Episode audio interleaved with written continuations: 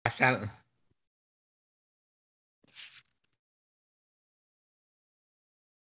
Oke. Jika sudah menemukan kejadian pasal 25 ayat 1 sampai 34 kita menghormati pembacaan kebenaran firman Tuhan. Kejadian pasal 25 ayat 1 sampai 34.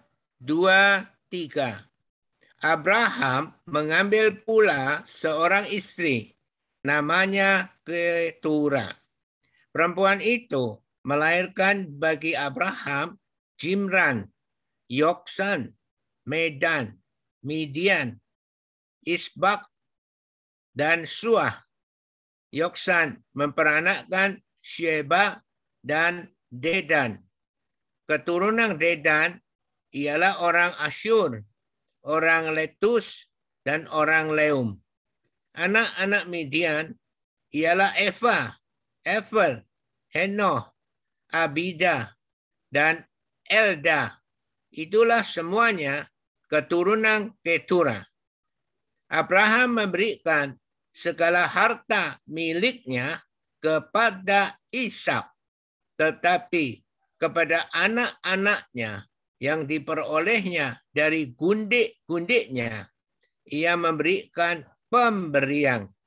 Kemudian ia menyuruh mereka masih pada waktu Abraham hidup meninggalkan Ishak anaknya dan pergi ke sebelah timur ke tanah timur. Abraham mencapai umur 175 tahun. Lalu Abraham meninggal. Ia mati pada waktu telah putih rambutnya, tua dan suntuk umur. Maka ia Abraham dikumpulkan kepada kaum leluhurnya. Dan anak-anaknya, Ishak dan Ismail, menguburkan Abraham dalam gua Makpela di padang Efron bin Sohar, orang Het itu. Padang yang letaknya di sebelah timur Memre, yang telah dibeli Abraham dari Bani Het. Di sanalah terkubur Abraham dan Sarah istrinya. Setelah Abraham mati, Allah memberkati Ishak anaknya itu dan Ishak diam dekat sumur Lahai Roy. Inilah keturunan Ismail anak Abraham yang telah dilahirkan bagi Abraham oleh Hagar perempuan Mesir hamba Sarah itu. Inilah nama anak-anak Ismail disebutkan menurut urutan lahirnya. Nebayot, anak sulung Ismail. Selanjutnya Kedar, Ab, Abel, Mitsam, Misya, Misma, Duma, Masa, Hadad, Tema, Yetur, Nafis, dan Ketma. Itulah anak-anak Ismail dan itulah nama-nama mereka menurut kampung mereka dan menurut perkemahan mereka 12 orang raja masing-masing dengan sukunya. Umur Ismail ialah 137 tahun. Sesudah itu ia meninggal. Ia mati dan dikumpulkan kepada kaum leluhurnya. Mereka itu mendiami daerah dari Hawila sampai Syur yang letaknya di sebelah timur Mesir ke arah Asyur. Mereka menetap berhadapan dengan semua saudara mereka. Inilah riwayat keturunan Ishak, anak Abraham. Abraham memperanakkan Ishak dan Ishak berumur 40 tahun ketika Ribka, anak Betuel, orang Aram dari Padang Aram, saudara perempuan Laban, orang Aram itu diambilnya menjadi istrinya. Berdoalah Ishak kepada Tuhan untuk istrinya, sebab istrinya itu mandul. Tuhan mengabulkan doa Ishak sehingga Ribka istrinya itu mengandung. Tetapi anak-anak Ribka bertolak-tolakan di dalam rahimnya. Dan ia Ribka berkata, jika demikian halnya, mengapa aku Ribka hidup dan ia Ribka pergi meminta petunjuk kepada Tuhan. Firman Tuhan kepada Ribka, dua bangsa ada dalam kandunganmu dan dua suku bangsa akan berpencar dari dalam rahimmu. Suku bangsa yang satu akan lebih kuat dari yang lain. Dan anak yang tua akan menjadi hamba kepada anak yang muda.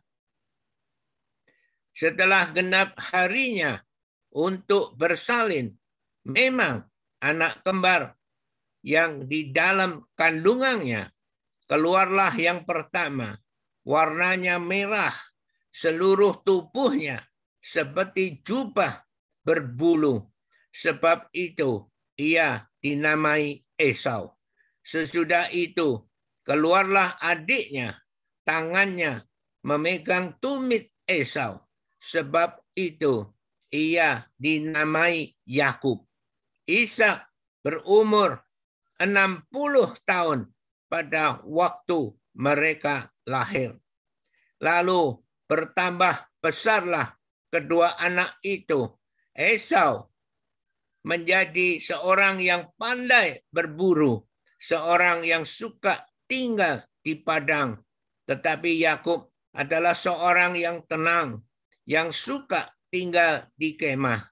Ishak sayang kepada Esau sebab Esau suka mak sebab Ishak suka makan daging buruan, tetapi Ribka kasih kepada Yakub. Pada suatu kali Yakub sedang memasak sesuatu, lalu datanglah Esau dengan lelah dari padang. Kata Esau kepada Yakub, berikanlah kiranya aku menghirup sedikit dari yang merah-merah itu, karena aku lelah. Itulah sebabnya namanya disebut Edom. Tetapi kata Yakub, jualah dahulu kepadaku hak kesulunganmu Sahut Esau, sebentar lagi aku akan mati. Apakah gunanya bagiku hak kesulungan itu? Kata Yakub, bersumpahlah dahulu kepadaku. Maka bersumpahlah Esau kepada Yakub dan dijualnya lah hak kesulungannya kepada Yakub. Lalu Yakub memberikan roti dan masakan kacang merah itu kepada Esau. Esau makan dan minum, lalu berdiri dan pergi. Demikianlah Esau memandang ringan hak kesulungan itu. Amin. Mari kita berdoa. Ya Tuhan Roh Kudus yang mulia, Tuhan yang sangat mengasihi kami. Tuhan kekuatan, kepercayaan, dan kebanggaan kami. Tuhan penolong dan Tuhan penghibur kami. Tuhan kebenaran dan Tuhan sahabat kami. Ya Tuhan berbicaralah pada hari ini. Dan benar-benar kau limpahkan pewahyuhan dan hikmat kemampuan daripadamu turun atas anak-anakmu ya Tuhan. Dan jamalah hati anak-anakmu sehingga hati anak-anakmu menjadi hati yang lembut, hati yang siap ditabur oleh kebenaran firman Tuhan, siap bertumbuh dan berbuah-buah di dalam kebenaran firman Tuhan, dan mampukan hambamu, kuatkan hambamu, terutama layakkan hambamu, layakkan hambamu ya Tuhan, sehingga dapat menyampaikan kebenaran firman Tuhan pada hari ini dengan benar. Ya Tuhan berkaryalah roh kudus yang mulia. Kami sungguh bangga dan mengucap syukur dan berterima kasih kepadamu karena kau telah mendengarkan doa-doa kami dan telah kabulkan doa-doa kami di dalam nama Tuhan Yesus. Haleluya. Amin. Beri kemuliaan bagi Tuhan. Haleluya. Haleluya. Ya saudara, ini adalah cerita yang sedikit terkenal. Tetapi tidak sungguh-sungguh dimengerti oleh orang-orang yang mengenal tetapi hanya sedikit. Saudara, ini adalah satu cerita yang sangat baik sekali karena Tuhan akan memberi pewahyuan kepada kita. Seperti apa? Mari kita lihat. Ya, amin. Mari kita lihat lagi dari ayat 1 sampai ayat 11. Jadi ayat 1 sampai ayat 11 itu menceritakan keturunan Abraham dari Ketura. Yaitu setelah Sarah mati, maka Abraham mengambil istri lagi yang bernama Ketura. Dan sebelum-sebelumnya kita telah belajar, waktu itu Abraham tertawa. Masa umur di dalam 100 tahun mempunyai anak. Setelah dia melahirkan Ishak, setelah dia berumur lebih daripada 100 tahun, dia bisa mengambil seorang istri lagi yang bernama Ketura dan melahirkan banyak anak juga. Saudara, Saudara ingat itu? Ya, haleluya, haleluya. Bagi manusia tidak mungkin, bagi Tuhan tidak ada yang tidak mungkin.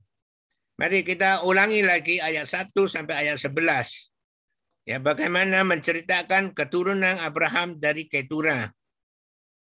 Ya, sekarang kita lihat Abraham mengambil pula seorang istri mengambil pula. Saudara, mengerti arti pula? Ya. Berarti Sarah sudah meninggal, dia mengambil lagi seorang istri namanya Ketura. Perempuan itu melahirkan baginya Simran, Yoksan, Medan, Midian, Isbak, dan Suah. Ada enam di sini, ya, anaknya. Sekarang kita lihat ayat tiga. Ayat tiga tidak menyebut ya anak Jimran yang pertama, tetapi langsung masuk Yoksan. Berarti yang penting adalah Yoksan dari enam anak itu. Yoksan memperanakkan Sheba dan Dedan.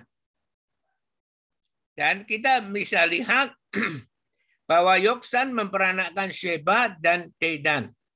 Tetapi Sheba tidak disebut, tetapi langsung disebut keturunan Dedan ialah orang Asyur, orang Letus, dan orang Leum. Jadi saudara harus perhatikan kalau yang penting dicatat di dalam Alkitab. Tidak penting tidak dicatat di dalam Alkitab. Dan ayat 4, anak-anak Midian tadi yang disebut adalah ada enam anak, Jimran, Yoksan, Medan, Midian, Isbak, dan Suah. Tapi ayat 4 yang disebut adalah bukan Medan, tapi Midian. Anak-anak Midian ialah Eva, Ever, Henok, Abida, dan Elda. Itulah semuanya keturunan Ketura. Jadi ini yang penting yang dicatat. Setelah itu tidak dicatat lagi. Abraham memberikan, perhatikan ayat 5, Abraham memberikan segala harta miliknya kepada Ishak Perhatikan. Abraham memberikan ya Abraham memberikan segala harta miliknya ya kepada Ishak. Hanya kepada Ishak, tidak kepada siapa-siapa, kepada Ishak. Tetapi kepada anak-anaknya yang diperolehnya dari gundik-gundiknya, ia Abraham memberikan pemberian. Hanya memberikan pemberian saja. Kemudian ia Abraham menyuruh mereka yaitu anak-anak dari gundik-gundiknya, masih pada waktu ia Abraham hidup meninggalkan Ishak. Mereka harus meninggalkan Ishak anaknya dan pergi ke sebelah timur ke tanah timur. Jadi ayat 1 sampai 11 menceritakan keturunan Abraham dari Ketura sekalipun Abraham punya istri lagi yaitu Ketura dan keturunan dari Ketura, tetapi tentang janji Tuhan yang diberikan kepada Abraham melalui Sarah tetap dipegang erat. Saudara setuju? Amin. Tetap dipegang erat sama Abraham. Dan di dalam ayat 5, ayat 6 tadi jelaskan semua harta milik Abraham diberikan kepada Ishak. Demikian pada ayat 7 dan 8, ya. Ayat 7 dan 8 kita lihat Abraham mencapai umur 175 tahun. Ketika Abraham dipanggil oleh Tuhan, umurnya sudah 75 tahun. Dan pada waktu itu sudah kelihatan tua. Tetapi Tuhan memanggil dia dan memakai dia 100 tahun, lebih daripada umurnya 75 tahun. Maka saudara jangan pernah menganggap diri saudara adalah tua. Kalau tua mau dipakai oleh Tuhan, maka Tuhan akan memakainya. Tapi kalau belum tua sudah loyo, ya, ya saudara tidak bisa dipakai oleh Tuhan. Ketika pastor umur 53 tahun, Jogja Bandung pakai mobil bolak-balik setiap minggu sekali. Saudara boleh mencoba. Itu 53 tahun. Apakah saudara sudah umur 53 tahun? Tapi apakah saudara semangat seperti pastor saudara atau loyo? Jangan pernah menganggap dirinya tua. Maka Abraham mencapai umur 175 tahun, sekalipun dia dipanggil 75 tahun, tapi Tuhan masih memberi dia 100 tahun. Lalu Abraham meninggal. Abraham mati pada waktu telah putih rambutnya, tua dan suntuk umur. Suntuk itu namanya sudah sampai pol ya. Sampai batas yang tertinggi. Maka ia dikumpulkan kepada kaum leluhurnya. Siapa kaum leluhurnya? Yang siapa yang mati dulu? yaitu Sarah waktu umur 127 tahun. Ya, jadi dia dikumpulkan bersama dengan Sarah. Dan anak-anaknya Ishak dan Ismail. Bukankah anak Abraham dari Sarah adalah Ishak? Anak Abraham dari Hagar adalah Ismail. Ya, bukankah hari ini sangat ribut sekali? Ya, dan anak-anaknya Ishak dan Ismail menguburkan dia Abraham dalam gua Makpela di padang Efron bin Sohar orang Het itu itu yang dibeli oleh Abraham padang yang letaknya di sebelah timru Memre ya dulu pernah belajar Memre yaitu daerah uh, Hebron Saudara bisa lihat Hebron dekat Yerusalem juga. Yang telah dibeli Abraham dari Bani Het. Ia sudah terkubur Abraham dan Sarah istrinya. Jadi saudara, jadi tujuh dan delapan menunjukkan bahwa janji Tuhan yang diberikan kepada Abraham tetap digenapi yaitu Abraham mati sampai tua suntuk. Adakah amin? Amin. Dan ayat 11 yaitu janji Tuhan kepada keturunan Abraham yaitu Ishak tetap digenapi. Setelah Abraham mati, Allah memberkati Ishak anak itu dan Ishak diam dekat sumur Lahairoi. Jadi janji Tuhan kepada keturunan Abraham yaitu Ishak tetap digenapi. Adakah amin? Sekarang kita lihat ayat 12 sampai 18 mengenai keturunan Ismail. Ya. Apakah janji Tuhan kepada Hagar tentang Ismail dikenapi? Mari kita lihat. Inilah keturunan Ismail, anak Abraham yang telah dilahirkan baginya oleh Hagar, perempuan Mesir, hamba Sarah itu. Jadi keturunan Ismail adalah bangsa Arab antara ya Yahudi dan orang Mesir lahirlah bangsa Arab. Inilah nama anak-anak Ismail disebutkan menurut urutan lahirnya. Saudara pernah mendengarkan nama Nebayot? Ya. Itu anak sulung dari Ismail. Anak sulung Ismail. Selanjutnya Kedar. Saudara pernah mendengarkan tentang Kedar? yaitu anak Ismail.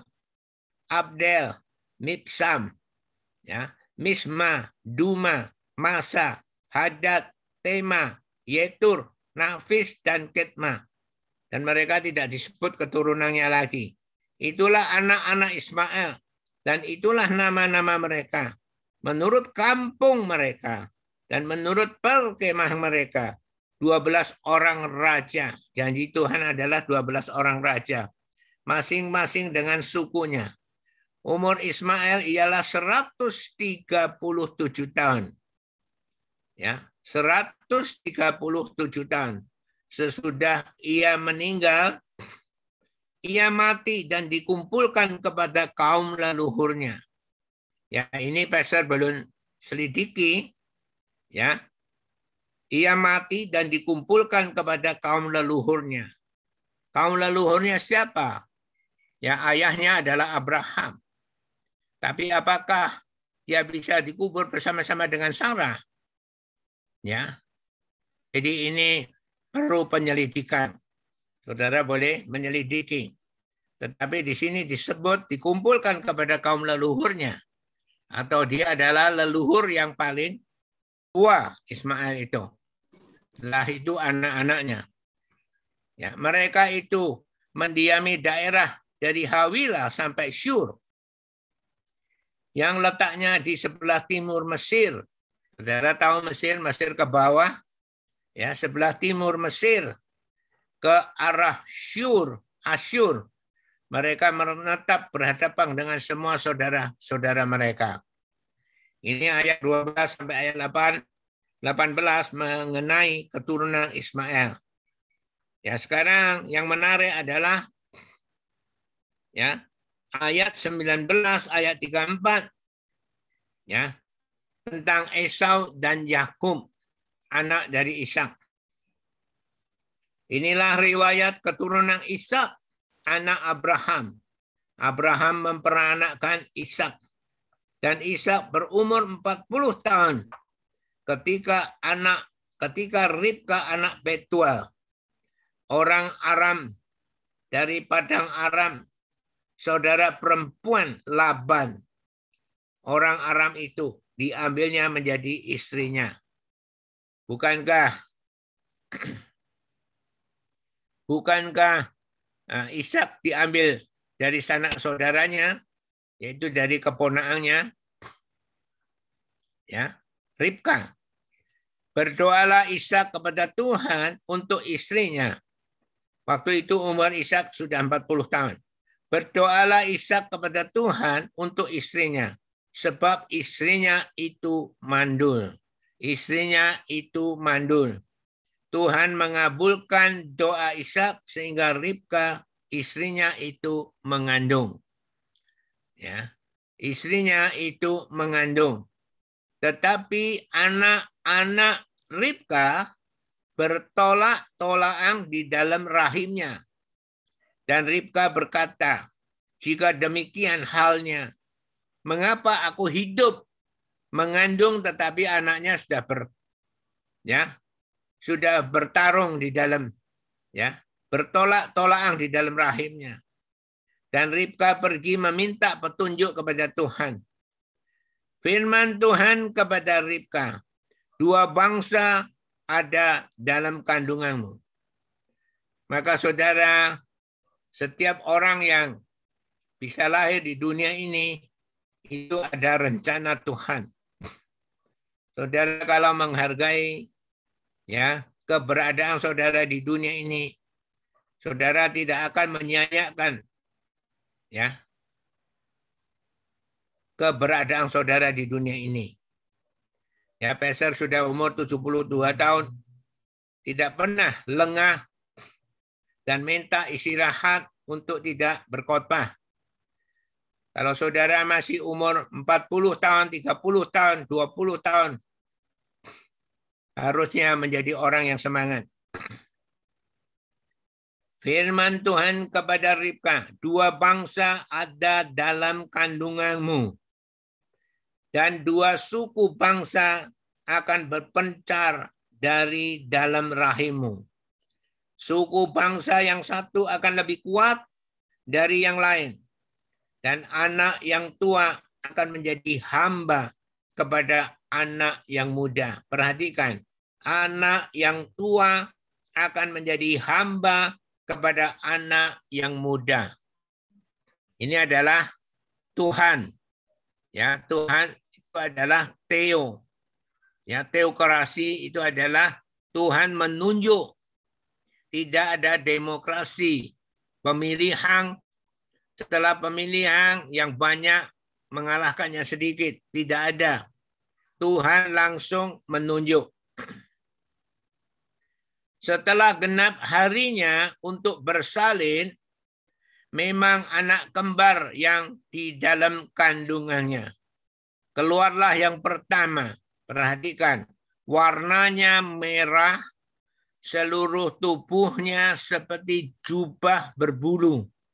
Berarti ini semuanya berbulu. Sebab merah. Sebab itu ia dinamai Esau. Jadi Esau itu artinya ketika dia lahir warnanya merah, seluruh tubuhnya seperti jubah berbulu. Maka Esau itu berbulu. Ya, bukan halus, tetapi berbulu.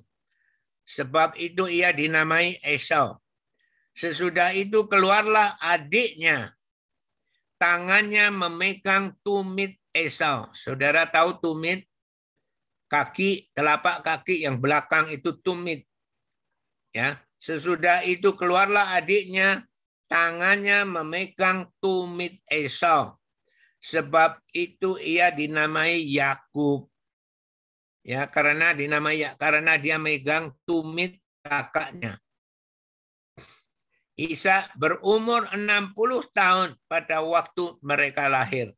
Perhatikan, ketika Ishak mempunyai dua anak, Esau dan Yakub, dia sudah berumur 60 tahun. Dia menikah dengan Rika 40 tahun. Setelah 20 tahun, dia baru punya anak. Sudah umur 60 tahun. Perhatikan,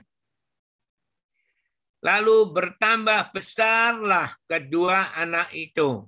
Ya, dia terus tidak diceritakan dia tambah besar. Esau menjadi seorang yang pandai berburu. Perhatikan.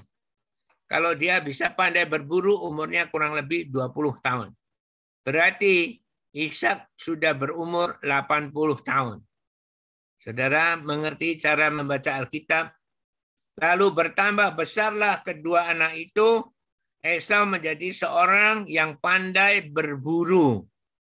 Seorang yang suka tinggal di padang. Dia tidak suka tinggal di kemah. Tetapi Yakub adalah seorang yang tenang, yang suka tinggal di kemah. Jadi ini sifatnya beda. Mari kita lihat ayat 28. Ishak sayang kepada Esau. Kenapa? Bukan karena dia anak sulung, dia sayang. Bukan. Sebab Ishak suka makan daging buruan. Berarti Ishak itu adalah orang yang cetil, medit, kikir. Dia punya banyak kambing domba, tapi dia lebih suka kalau Esau berburu dapat buruang. Jadi ngirit, ya, menghemat. Ini sifat Ishak. Maka Ishak sayang kepada Esau bukan anak sulung. Tetapi sebab ia suka makan daging buruang dari Esau. Tetapi Ribka kasih kepada Yakub. Jadi ibu Yakub lebih kasih kepada Yakub daripada Esau. Pada suatu kali Yakub sedang memasak sesuatu, lalu datanglah Esau dengan lelah dari padang. Ya, kata Esau kepada Yakub, berikanlah kiranya aku menghirup sedikit. Ya, saudara tahu artinya? Menghirup sedikit dari yang merah-merah itu. Karena aku lelah. Itulah sebabnya namanya disebut Edom. Jadi kacang merah, ya, dia mau menghirup, ya, merah-merah itu, kacang merah itu, maka disebut Edom. Maka keturunan Esau nanti disebut ya bangsa Edom. Tetapi kata Yakub, nah, perhatikan di sini Yakub. Ini adalah karakter Yakub. Tetapi kata Yakub, jualah dahulu kepadaku hak kesulunganmu. Yakub itu sangat menghormati hak kesulungan. Tapi dia bukan anak sulung. Dia anak bukan anak sulung, anak lebih muda daripada Esau. Tapi dia tahu arti dari hak kesulungan itu. Maka Yakub berkata, jualah dahulu kepadaku Yakub hak kesulunganmu. Sekarang perhatikan apa yang di apa jawab Esau. Sahut Esau. Sebentar lagi aku akan mati. Apakah gunanya bagiku hak kesulungan itu? Ini adalah karakter dari Esau tidak menghormati hak kesulungannya. Sebentar lagi aku akan mati. Apakah gunanya bagiku hak kesulungan itu?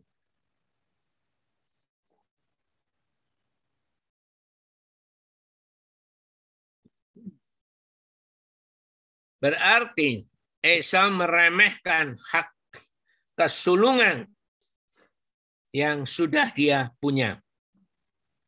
Kata Yakub, ini Yakub, ini karakter Yakub. Bersumpahlah dahulu kepadaku. Mau sup kacang merah aja harus bersumpah. Bersumpahlah dahulu kepadaku, Yakub. Maka bersumpahlah Esau kepada Yakub dan dijualnya lah hak kesulungannya kepada Yakub. Berarti bukan salahnya Yakub karena Esau memandang remeh kesulungannya. Lalu Yakub memberikan roti dan masakan kacang merah itu kepada Esau. Perhatikan, ia yaitu Esau makan dan minum.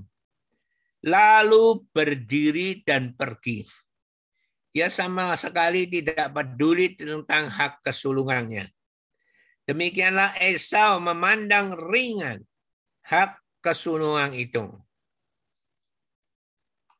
Jadi saudara sudah mendapat, amin. Jadi Esau tidak menghargai hak sulung yang telah diberikan kepadanya. Bahkan merendahkannya. Adakah amin? Adakah amin? Saudara, apa arti hak kesulungan, saudara? Apakah penting sekali hak kesulungan? Ya, penting sekali, saudara. Apa arti daripada hak kesulungan? Mari kita lihat. Keluaran 12. Keluaran 12. Ayat 12 sampai 14. Keluaran 12 ayat 12 sampai 14. Apa arti hak sulung itu? Mari kita lihat.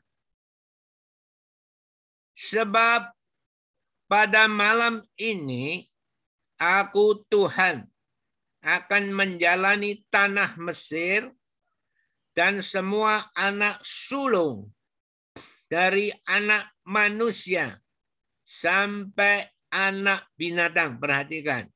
Dari anak manusia sampai anak binatang. Semua anak sulung. Akan ku Tuhan bunuh dan kepada semua Allah di Mesir. Allah kecil. Akan ku Tuhan jatuhkan hukuman. Akulah Tuhan. Dan darah itu menjadi tanda bagimu pada rumah-rumah di mana kamu tinggal. Apabila aku melihat darah itu, maka aku Tuhan akan lewat daripada kamu. Jadi tidak akan ada tulah kemusnahan di tengah-tengah kamu. Apabila aku Tuhan membuk menghukum tanah Mesir Ya. Saudara, ini adalah cerita tentang Tuhan menulahi ya Mesir yang diwakili oleh Firaun rajanya. Tulah ke-10 melenyapkan anak sulung dari Firaun, anak sulung Firaun sampai ya ke rakyatnya bahkan sampai ke anak sulung ternaknya. Semua mati semua. Kecuali keturunan orang Israel. Semuanya selamat. Karena mereka sebelumnya sudah makan domba pasca. Dan darahnya dipuaskan di ambang pintu dan di ya kedua sisi pintu. Maka malaikat Tuhan yang lewat, lihat ada darah, maka dilewatkan. Itulah yang dinamakan domba pasca. Ya, itu adalah namanya pasca, hari pasca yang pertama. Ya, maka orang-orang Israel sejak itu, sejak tulah ke-10 diadakan di Mesir, ya, orang-orang Israel hutang anak sulung kepada Tuhan. Adakah amin? Hutang anak sulung. Seharusnya anak sulung Israel juga mati. Tapi Tuhan lindungi. Maka orang Israel itu hutang anak sulung kepada Tuhan.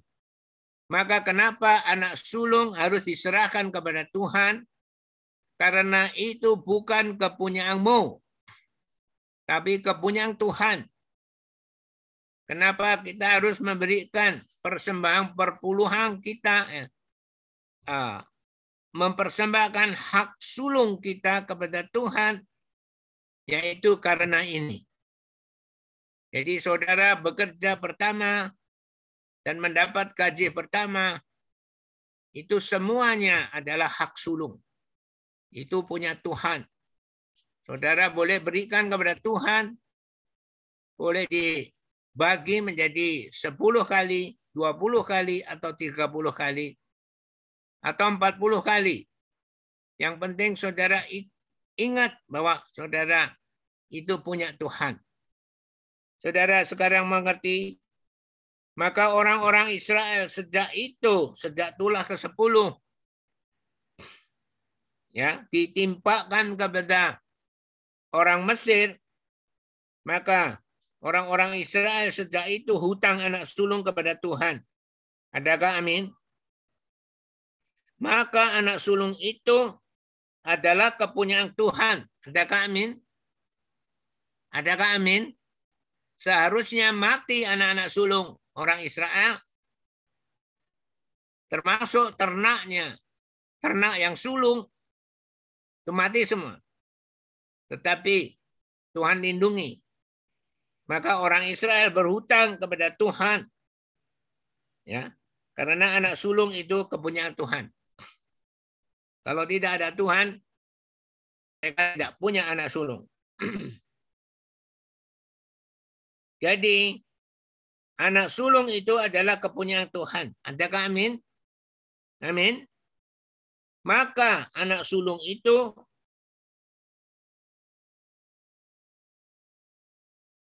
sangat penting sekali.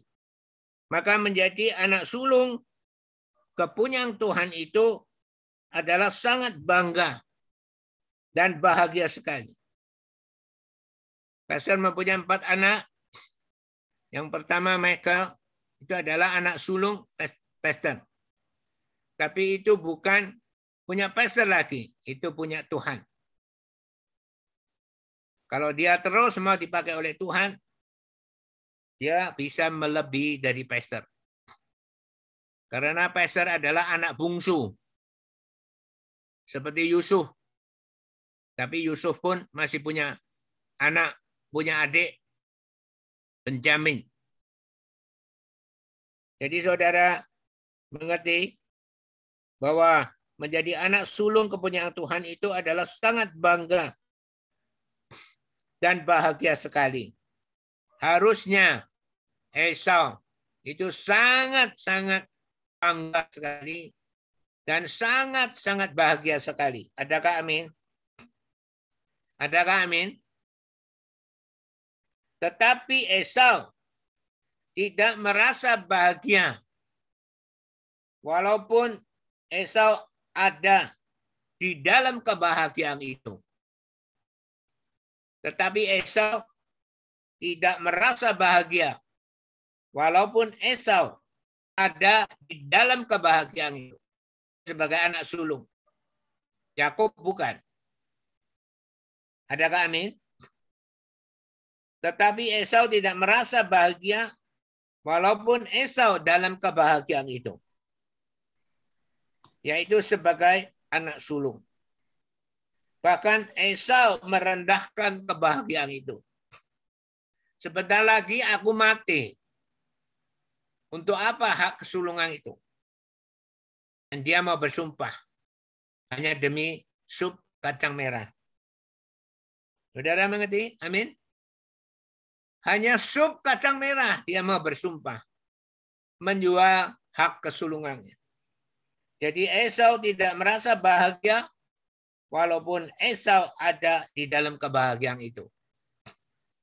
Maka pada hari ini Tuhan mau mengajar kita yaitu dari kejadian pasal 25 ayat 1 sampai 34 Tuhan mau mengajar kepada kita yaitu satu kebenaran prinsip Tuhan.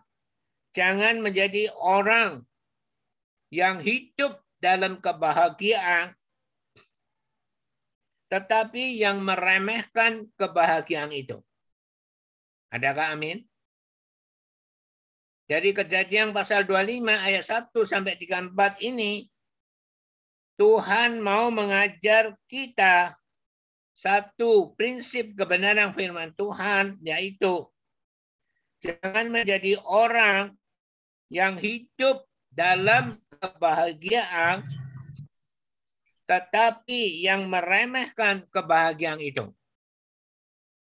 Saudara setuju bahwa ini pewahyuan dari kejadian pasal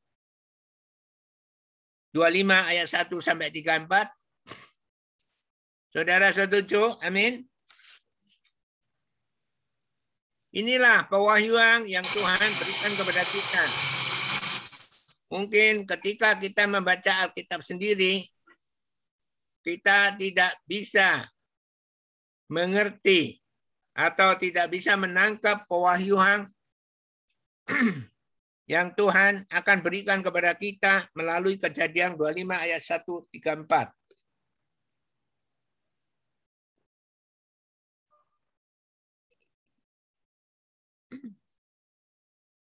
Saudara setuju? Adakah amin? Itulah khotbah ekspositori yang benar. Tidak mengandai-andai, ya, tetapi dengan logika kita mau menangkap apa maksud Tuhan. Bukankah Esau hidup dalam kebahagiaan, tetapi yang tidak merasa bahagia, bahkan meremehkan kebahagiaan itu. Adakah amin? Sekarang kita lihat apakah ada contoh-contoh yang seperti Esau itu yang hidup dalam kebahagiaan tetapi yang tidak merasa bahagia bahkan meremehkan kebahagiaan itu. Apakah ada contoh-contoh yang seperti Esau itu? Ada. Kita lihat keturunan Nuh. Bagaimana semua umat manusia dilenyapkan oleh Tuhan. Yang disisakan hanya Nuh dan istri, tiga anak lelaki, dan tiga menantu. Bahkan tiga anak laki-laki dan tiga menantu itu, dia juga punya anak. Tetapi anak itu tidak diselamatkan. Tetapi yang diselamatkan hanya ayahnya dan ibunya. Dan Nuh dan istri. Berarti mereka sangat bahagia. Tidak dilenyapkan dari air bah yang dahsyat. Harus makan satu tahun lebih sepuluh hari. Air itu baru benar-benar kering. Sehingga ya Nuh dan istri, tiga anak laki dan tiga menantu dapat keluar dari Batra yang Tuhan perintahkan suruh mereka bikin. Dan itu pun makan waktu 100 tahun untuk membuat Batra itu. Sehingga Batra itu baru jadi. 100 tahun, saudara. Batra itu baru jadi. Saudara, seharusnya Nuh dan istri dan ketiga anak dan ketiga menantu. Dan kita sudah lihat setelah berapa waktu lama ya ketiga anak dari Nuh yaitu Sem, Ham dan Yafet mereka mulai mempunyai anak, cucu dan cicit. Adakah amin? Harusnya mereka bahagia karena Tuhan telah menolong mereka, menyelamatkan mereka. Tetapi apakah mereka merasa bahagia? Tidak. Maka di dalam kejadian pasal 11, tadi dari kejadian pasal 6, pasal 7, sekarang pasal 11. Mereka sudah lupa Tuhan. Yang sangat dahsyat itu yang melindungi mereka itu. Mereka membuat menara Babel yang tingginya sampai ke langit dan di atasnya ada dewa untuk mereka sembah, bukan Tuhan. Ini adalah contoh-contoh yang seperti Esau. Ya, keturunan Nuh dalam kebahagiaan tetapi tidak merasa bahagia bahkan meremehkan kebahagiaan itu. Dan contoh-contoh yang lain seperti siapa? Seperti bangsa Israel. Bangsa Israel dituntun Tuhan sendiri. Kalau kita harus berhubungan dengan Tuhan Roh Kudus. Tetapi ini dengan Tuhan sendiri. Dapat dilihat, dapat dirasakan. Kita lihat keluaran. Di dalam keluaran 13 Keluaran 13 ayat 17 sampai 22. Keluaran 13 ayat 17 sampai 22. Setelah Firaun membiarkan bangsa itu pergi, Allah tidak menuntun mereka melalui jalan ke negeri orang Filistin, yaitu tanah Kanaan. Walaupun jalan ini yang paling dekat. Sebab firman Allah, jangan-jangan bangsa itu menyesal apabila mereka menghadapi peperangan, sehingga mereka kembali ke Mesir. Banyak orang yang sudah percaya pada Tuhan, tapi akhirnya kembali lagi pada waktu dia tidak percaya kepada Tuhan. Maka Tuhan berfirman, ya sebab firman Allah, jangan-jangan bangsa itu menyesal apabila mereka menghadapi peperangan, sehingga mereka kembali ke Mesir. Seharusnya ke tanah Kanaan itu dekat satu minggu aja sudah dapat. Tetapi Allah menuntun bangsa itu berputar. Berputar, saudara.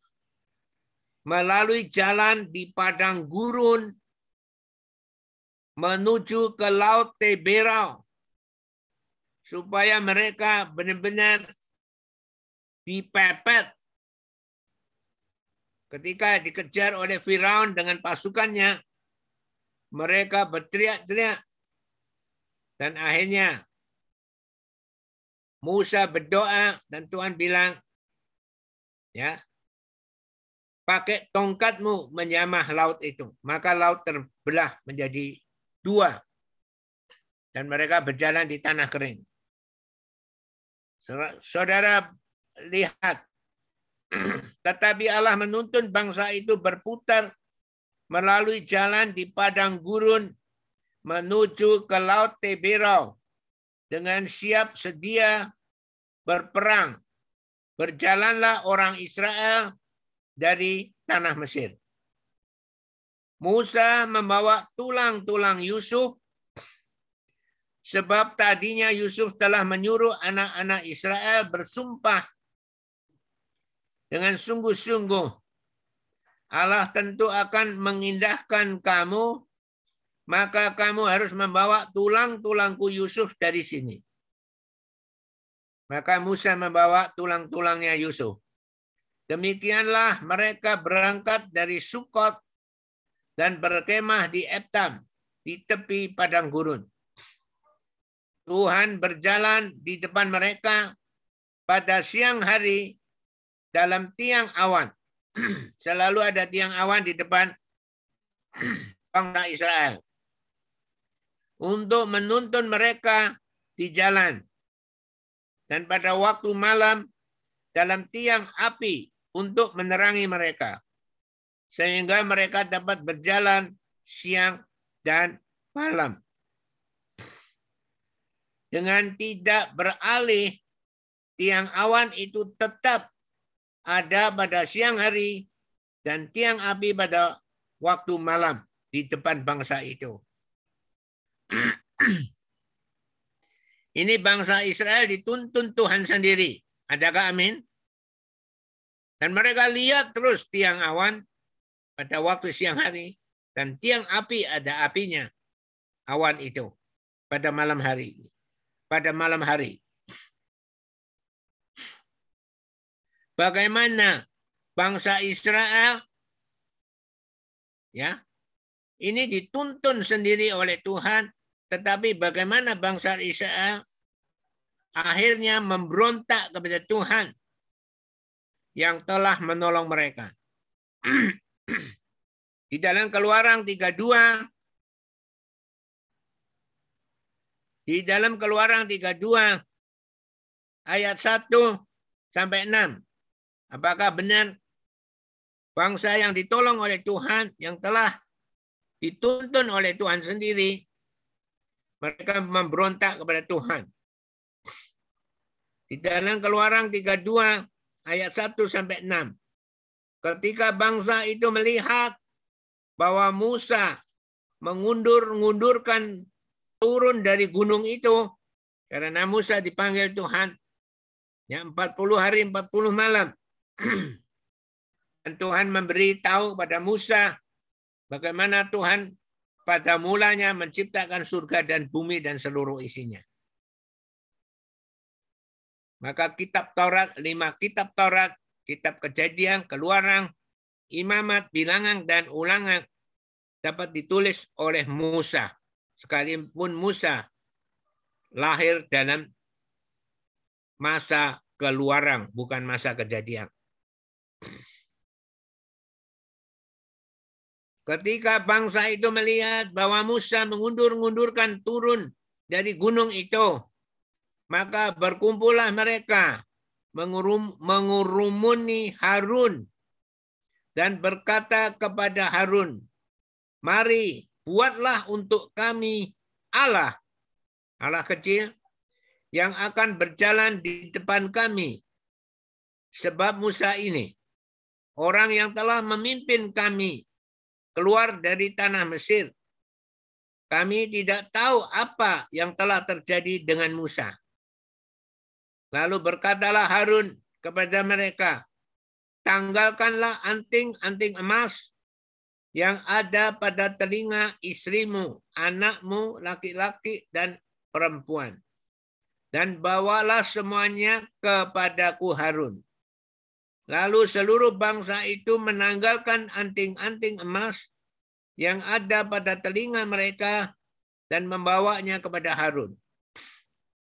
Diterimanya lah itu dari tangan mereka dibentuknya dengan pahat, dibentuknya dengan pahat. Dan dibuatnya lah daripadanya anak lembu tuangan. Kemudian berkatalah mereka, Hai Israel, inilah Allahmu yang telah menuntun engkau keluar dari tanah Mesir. Ini kalau bukan berontak seperti apa? Apakah mereka dituntun oleh lembu mas? Ketika Harun melihat itu, didirikannya lah mesbah di depan anak lembu itu. Berserulah Harun, kata Harun, besok hari raya bagi Tuhan. Ini Harun pemimpin yang ditinggal Musa.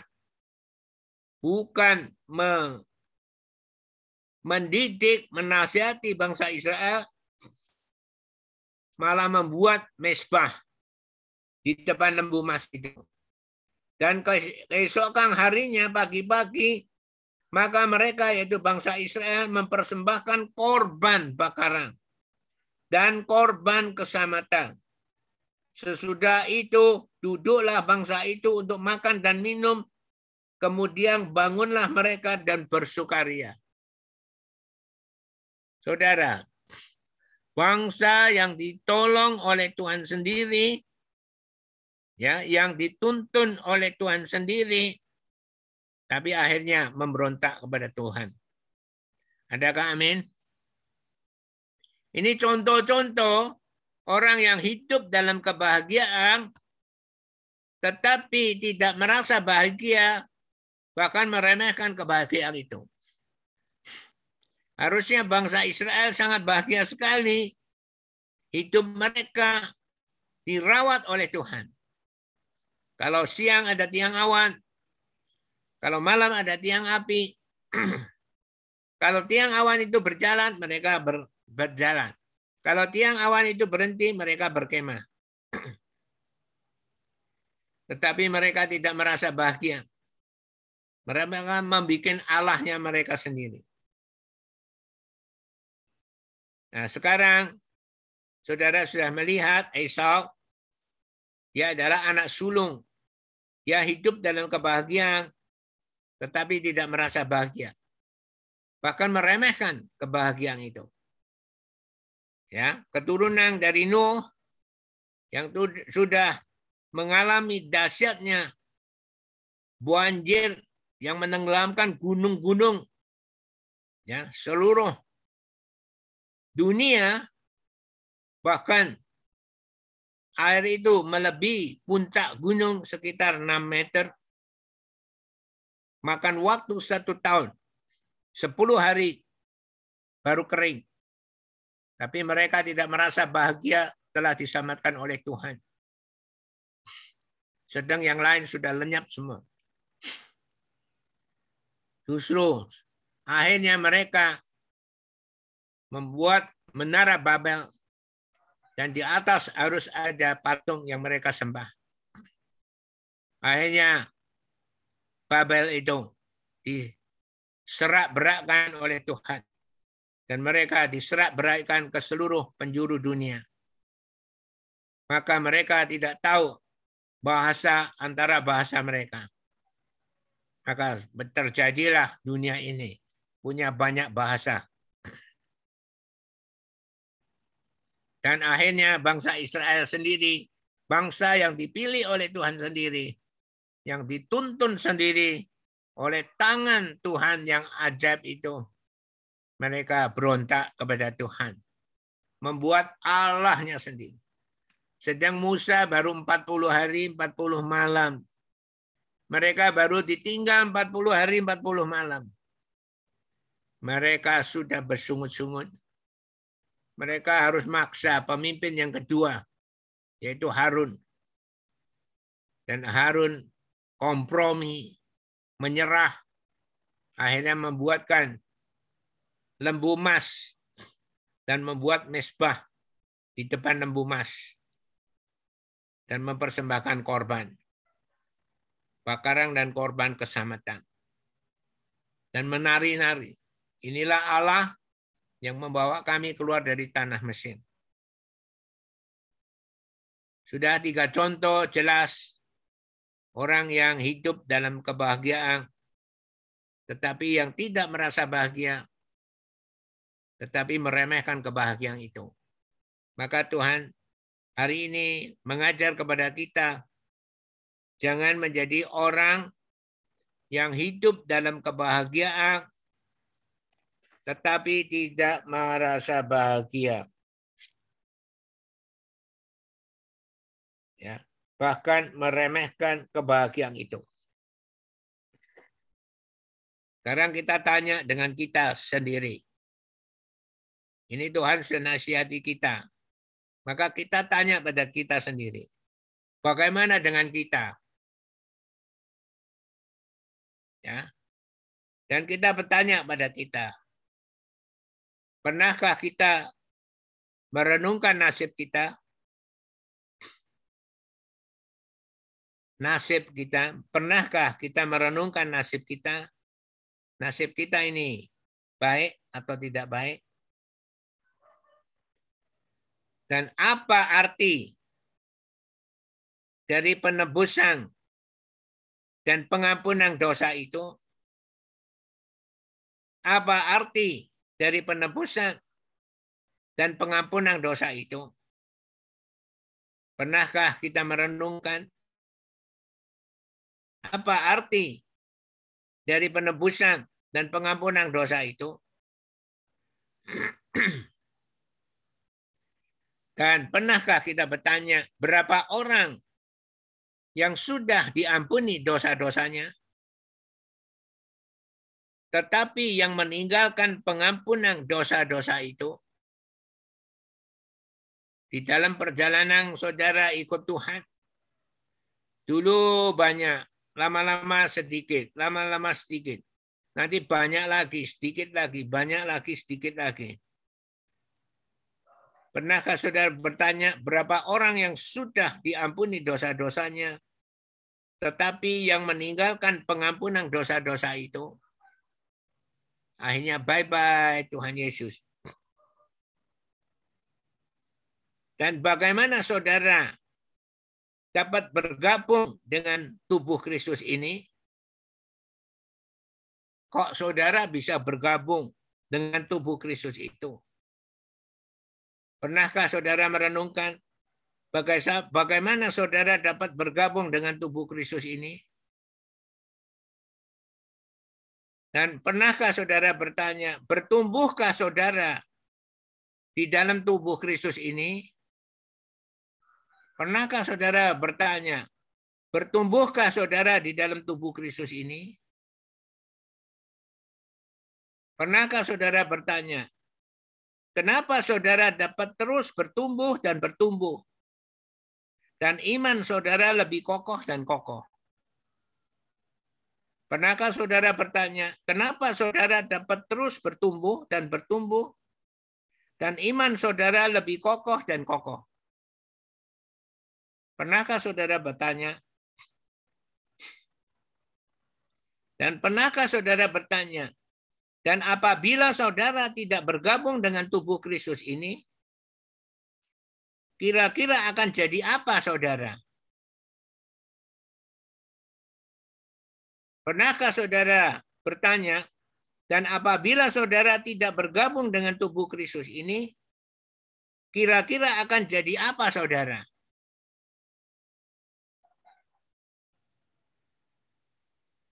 Hari ini Tuhan mengajar kepada kita Jangan menjadi orang yang hidup dalam kebahagiaan, tetapi yang meremehkan kebahagiaan itu. Saudara,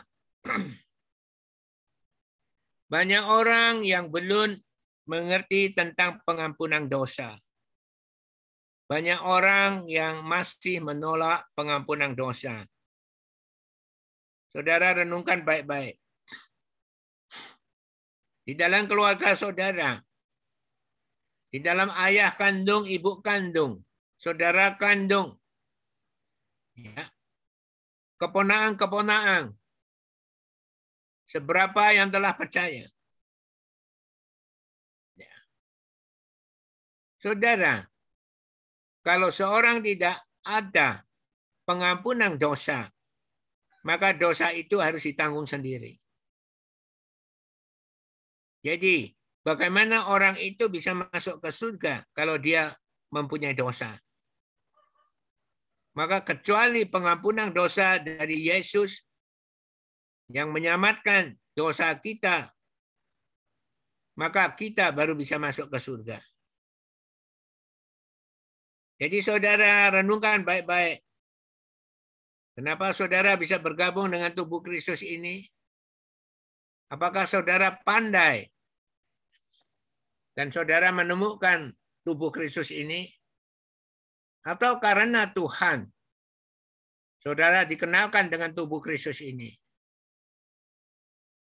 Dan pernahkah saudara bertanya, andai kata saudara tidak bergabung dengan tubuh Kristus ini, kira-kira mau menjadi apa?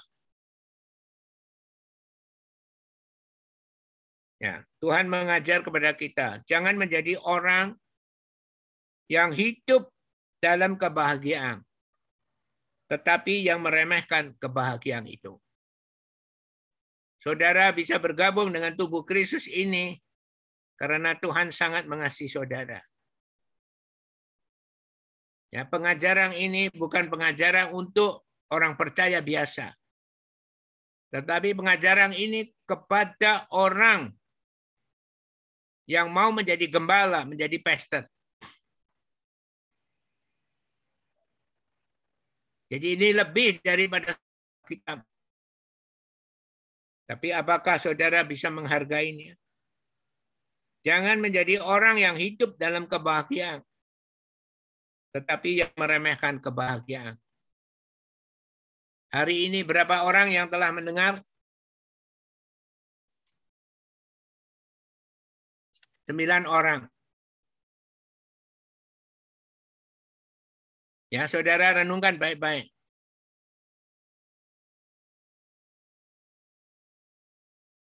Jangan menjadi orang yang hidup dalam kebahagiaan, tetapi yang meremehkan kebahagiaan itu.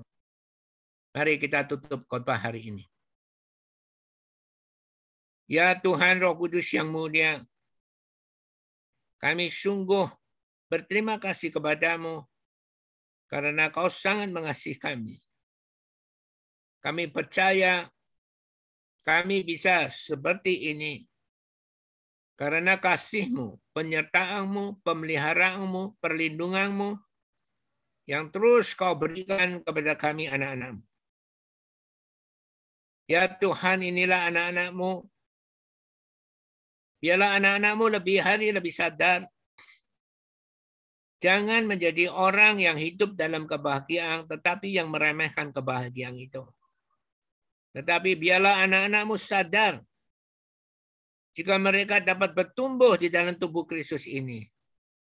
Seharusnya mereka wajib untuk membawa orang-orang yang lebih banyak untuk mendengarkan khotbah Sum ini. Tuhan ajar anak-anakmu. Biarlah anak-anakmu dapat menjadi orang yang bisa menghargai kebahagiaan yang telah mereka peroleh. tetapi bukan meremehkan. Jadikan mereka orang-orang yang dapat berterima kasih dan membalas terima kasih kepadamu ya Tuhan. Bukan menjadi orang yang egois, yang dipikirkan adalah diri sendiri dan diri sendiri dan diri sendiri dan diri sendiri. Segala kebaikan dilupakan, tetapi sedikit kejelekan diingat sampai mati. Tuhan jadikan anak-anakmu dapat berterima kasih dan membalas terima kasih atas segala jerih payah yang telah kau limpahkan di dalam hidup anak-anakmu. Dan kami serahkan anak-anakmu ke dalam tangan kasih setiamu. Dan hanya di dalam nama Tuhan Yesus Kristus yang kami kasih. Kami sungguh telah berdoa dan mengucap syukur dan bangga Tuhan Roh Kudus yang mulia. Haleluya. Amin. Beri kemuliaan bagi Tuhan. Ya.